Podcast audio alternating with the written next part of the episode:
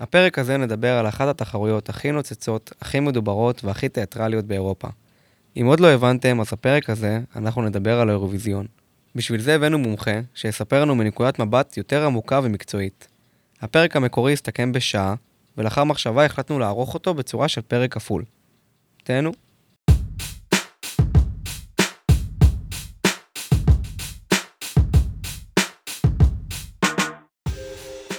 ברוכים הבאים לגג 15, אני רן סימון, ואני נדב גרב. והיום יש לנו פרק מיוחד. היום אה, מצטרף אלינו אורח, מיו- אורח מיוחד, מומחה. אורח ראשון, ערן, בוא תציג את עצמך. רגע, יש לי פה.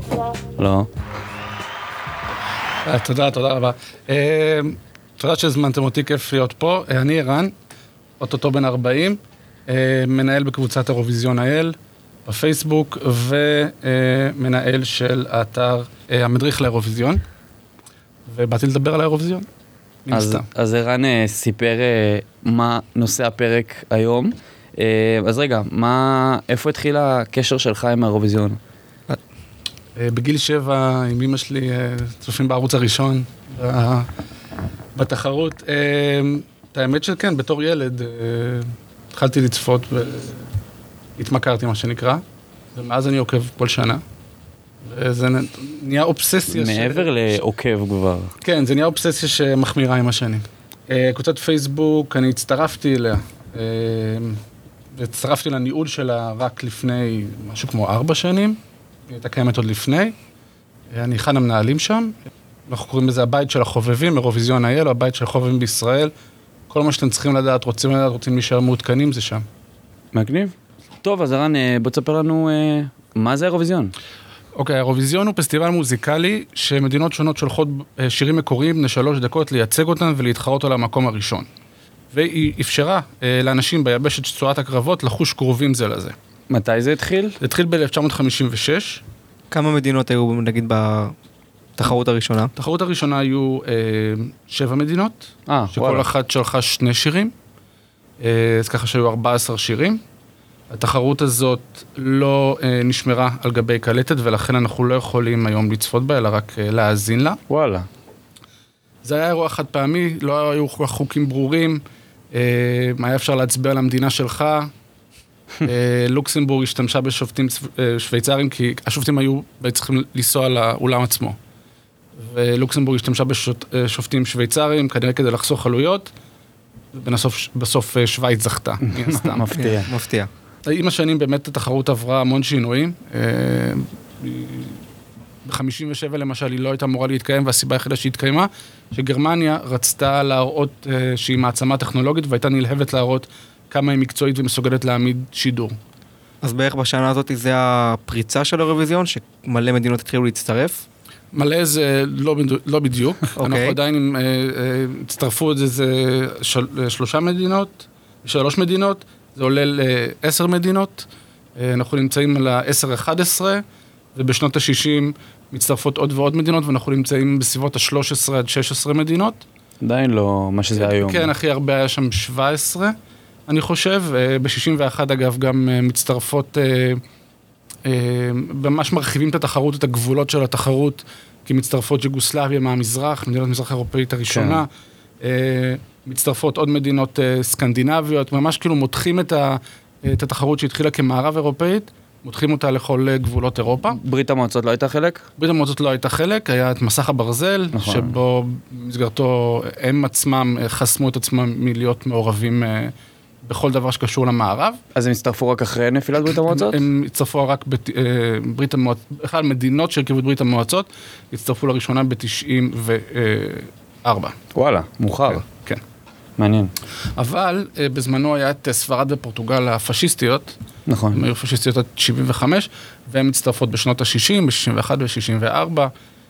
יוון שהייתה תחת חונטה צבאית, גם כדיקטטורה מצטרפת ב-74. וישראל מתי? ישראל הצטרפה ב-73, שלחה לראשונה את אילנית עם אי שם, פתיחה מאוד טובה, מאוד טובה. מקום רביעי, כן. יפה. אחת הפתיחות היותר מוצלחות מבחינת בכורות בתחרות. בסך הכל אפשר להגיד שישראל מדינה מוצלחת יחסית באירוויזיון, לא? יחסית, יש כאילו, לנו... יש יותר. כן, יחסית, היה לנו תקופה מאוד טובה בסוף שנות ה-70 עד אה, אמצע שנות ה-80. ואחרי זה שוב תקופה קצרה בשנות ה-90. אה, היו גם הרבה נפילות, אבל אני חושב שבתור מדינה מאוד קטנה עם אוכלוסייה יחסית מצומצמת, אה, יש לנו במה להתגאות מבחינת זכיות ומקומות גבוהים. זה ברור. סתם הדעה הציבורית בישראל לא- לא לא אוהדת. תראה- בתכלס יש לנו במה להתגאות. יש במה להתגאות, אמ, אבל אני חושב שהתפיסה בארץ ובכלל באירופה לא אוהדת, כי לפעמים האירוויזיון קורים בו דברים שמצדיקים את השם הזה. אה, יש לא מעט קיץ', יש אה, לא מעט הצבעות פוליטיות, נכון. אמ, יש לא מעט אה, הופעות שבאות על חשבון האומנות, התמקדות יותר בשואו ופחות ב, אה, ביצירה. אה, אבל גם יש הפתעות שבהן אנחנו רואים שבאמת יצירות אה, יפות, ואני לא רוצה להגיד איכותיות, כי זו מילה קצת אה, שיפוטית, אבל כן, שיותר יצירות שהן לאו דווקא פופיות זוכות בתחרות וזוכות להערכה. יש לך קצת אה, שמות מפורסמים שהשתתפו בתחרות? מישהו ש... שמות שכל אחד מכיר? אה, יש לנו את אה, אבא, שזכו ב-74, והם באמת היחידים שהשתמשו בתחרות כמקפצה לקריירה מאוד מאוד מוצלחת. אה, שם הם התחילו? שם הם התחילו, לא ידעתי את זה. והמנהל שלהם, שהוא היה בעיקר בן אדם מאוד חכם מבחינה מרקטיאלית, כבר היה מוכן עם אלבום אה, שלהם באנגלית, וממש שיקו על הברזל בעודו חם. וואלה. פרצו כאילו, אה, פרצו לא מיד אחרי זה, אבל בוא נגיד שנה אחרי זה. כן, ויש כמובן את סלין דיון, שזכתה נכון. ב-88, היא קנדית, אבל לא? היא קנדית. אה, מה הסיפור שם? הסיפור בגדול הוא שמותר, התחרתה בקדם השוויצרי וזכתה.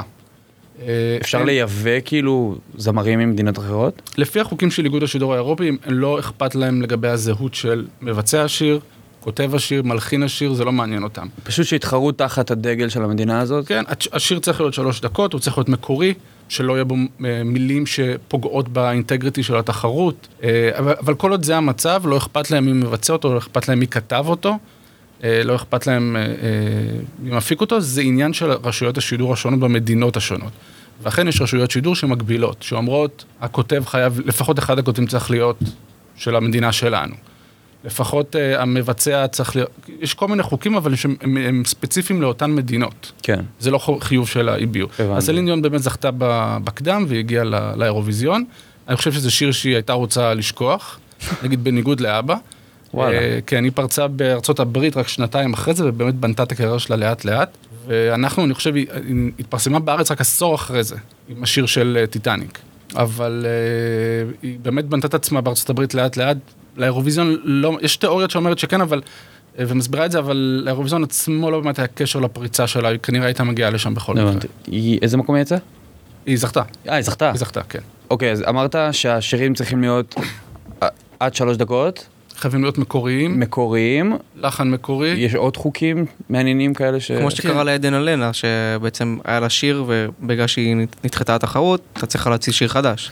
אתה מדבר על תחרות של 2020, כן, כן. כל אה, זה השיר, הסיפור? בגלל זה היא שינתה את השיר? אה, כולם התבקשו להחליף שיר. וואלה. זאת אומרת, אה, ברגע שהוכרז שאירוויזיון 2020 מבוטל ואירוויזיון 2020, אחרי שהוכרז שבעצם אירוויזיון 2021 מתקיים, הודיעו, אתם יכולים לשמור את הנציגים אם אתם רוצים, אבל הם חייבים לבחור שירים חדשים. וואלה. כן, אה, החוק אומר, הנוכחי אומר שכל השירים חייבים, אסור שיתפרסמו לפני הראשון בספטמבר של השנה לפני.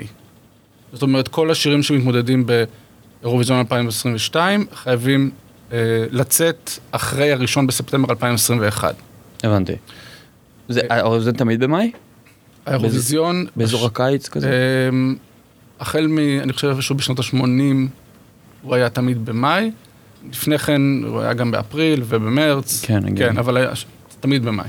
החוקים נעשים יותר ויותר אה, נוקשים אה, עם השנים, הגיוני. כי זו אופרציה לוגיסטית שמאוד קשה אה, לכפות על 40 מדינות ומשלחות, כאילו לעמוד לפי החוקים. בוא נגיד שעם השנים החוקים הולכים ומתהדקים. בוא נדבר קצת כסף. כסף, אוקיי. כמה אחרי- זה עולה ואיך הם...